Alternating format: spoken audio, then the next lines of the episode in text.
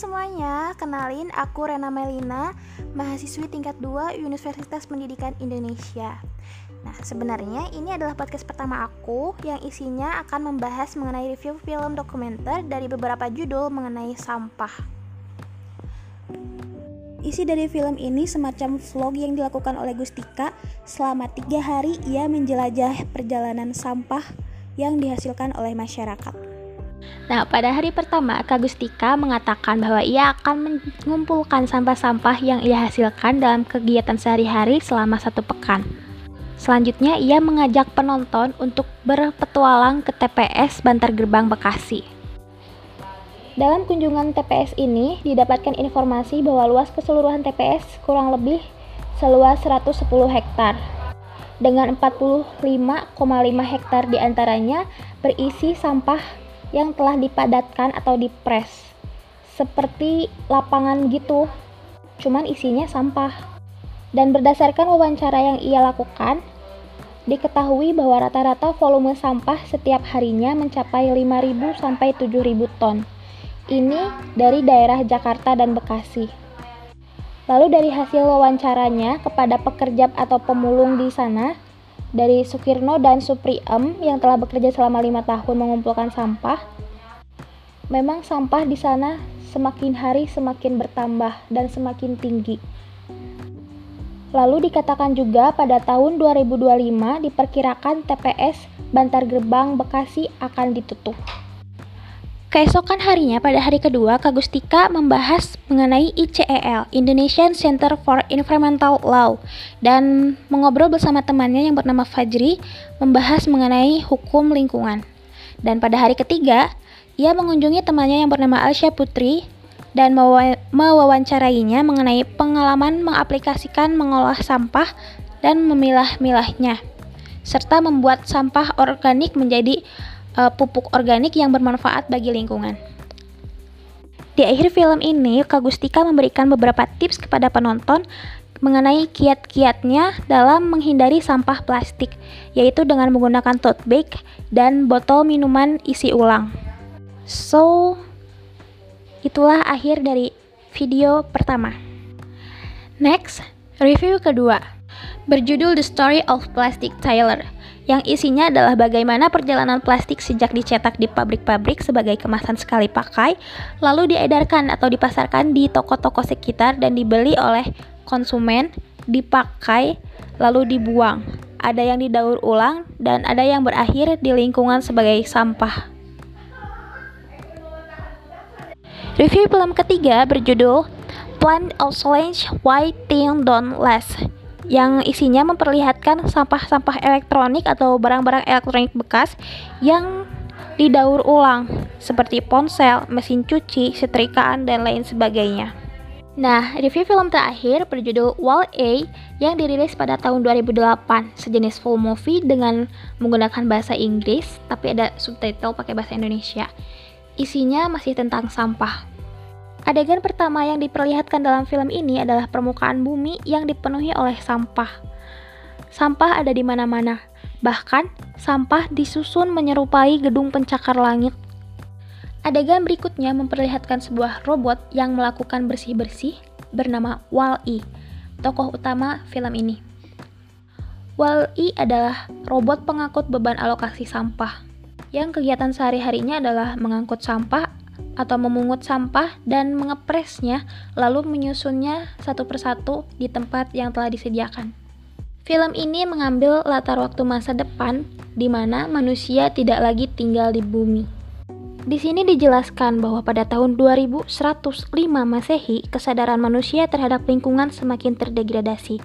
Manusia telah mengubah bumi menjadi gurun sampah dan pada saat itu dalam sekali lihat kita tahu bahwa bumi tidak lagi cocok untuk dihuni manusia dan makhluk hidup lainnya.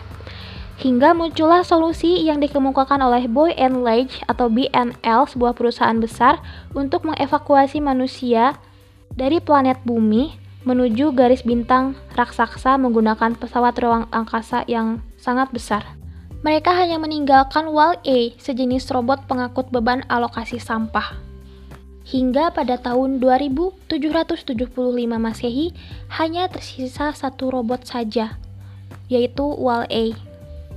Hingga suatu hari pada tahun 2805 Masehi, sebuah tayangan iklan muncul kembali yang mengiklankan Axiom, pesawat luar angkasa super besar yang mengangkut manusia karena tidak lagi cocok tinggal di planet bumi. Di mana di Axiom ini manusia tidak perlu lagi menggunakan kakinya untuk berjalan, untuk beraktivitas dalam kehidupan sehari-hari. Mereka hanya perlu duduk di cover chair atau kursi khusus. Lalu kita kembali ke Wall-E dalam perjalanannya membuang sampah. Ia menemukan tumbuhan muda yang hidup di balik sebuah kotak besi. Hingga suatu ketika sebuah pesawat besar turun dalam misi untuk mencari vegetasi hidup di bumi. Di adegan ini diperkenalkanlah Eve, sebuah robot canggih dengan kecerdasan mandiri. Ia mengemban misi untuk mencari vegetasi hidup dan akhirnya bertemu dengan Wall-E dengan cukup dramatis. Mereka pun berteman. Sampai suatu ketika Wall-E berniat memberinya hadiah sebuah tanaman muda yang tadi ia temukan. Dan Eve memasuki mode non-aktif karena dinyatakan misi terpenuhi. Sebelumnya, Eve telah mengambil tanaman itu dan diletakkan di dalam kabin miliknya. Wall-E terkejut menyaksikan Eve dalam mode non-aktif ia menjaga Eve hingga pesawat yang pertama mengantar Eve ke bumi datang menjemputnya. Lalu Wall-E menyelinap dan menemui kapten pesawat luar angkasa yang bernama uh, Macria, Macria, Kapten Macria. Kapten ini membuat laporan bahwa ia berhasil menemukan kehidupan di bumi, lalu mendapatkan misi atau instruksi untuk tinggal kembali ke bumi. Hanya saja di sini auto robot cerdas atau kecerdasan luar angkasa, kecerdasan pesawat luar angkasa menghalangi kapten untuk kembali lagi ke bumi. Selanjutnya, kapten, Eve, dan Wall-E berusaha keras dan akhirnya berhasil mengalahkan auto si kesadaran pesawat luar angkasa. Lalu mereka pun kembali ke bumi dan bertahun-tahun kemudian bumi ditumbuhi oleh banyak tanaman. Dan sebenarnya di sini terjadi beberapa adegan lucu bagaimana mereka, para manusia masa itu, belajar berjalan kembali, dan bagaimana mereka belajar mengenali tanaman-tanaman tersebut. Mereka belajar bagaimana tanaman bisa menjadi makanan, dan mereka berpikir saat itu bahwa tanaman secara simsalabim atau otomatis bisa menjadi pizza dan makanan-makanan lainnya. Nah, dari keempat video yang saya review barusan, dapat disimpulkan bahwa Peran terbesar dalam pencemaran lingkungan ini adalah manusia. Manusia yang menghasilkan sampah plastik, sampah elektronik, dan sampah-sampah lainnya yang mengganggu ekosistem alam. Mengakibatkan hewan-hewan dan tumbuhan tidak dapat hidup. Hingga akhirnya manusia pun harus mengungsi keluar angkasa karena bumi dinilai tidak cocok lagi untuk manusia. Nah, untuk mencegah hal itu, saya, kamu, kita semua harus turut andil dalam menjaga lingkungan dari sampah yang kita hasilkan. Lalu aku sudah melakukan beberapa analisis mengenai sampah ini berdasarkan data TPS yang telah tadi didapatkan dan data dari Kementerian Lingkungan Hidup dan Kehutanan atau KLHK pada tahun 2019 menyampaikan bahwa jumlah timbunan sampah secara internasional maksudnya secara nasional sebesar 1 175.000 ton per hari atau setara dengan 64 juta ton per tahun. Sebagai asumsinya, satu orang menghasilkan sampah senilai 0,7 kg. Lalu di sini aku menganalisis data berdasarkan KLHK Kementerian Lingkungan Hidup dan Kehutanan 2019 dan video pertama yang tadi direview berdasarkan ini diketahui bahwa sampah nasional yang kita hasilkan sebanyak 175.000 ton per hari atau setara 64 juta ton per tahun dengan asumsi satu orang menyampah sebanyak 0,7 kg.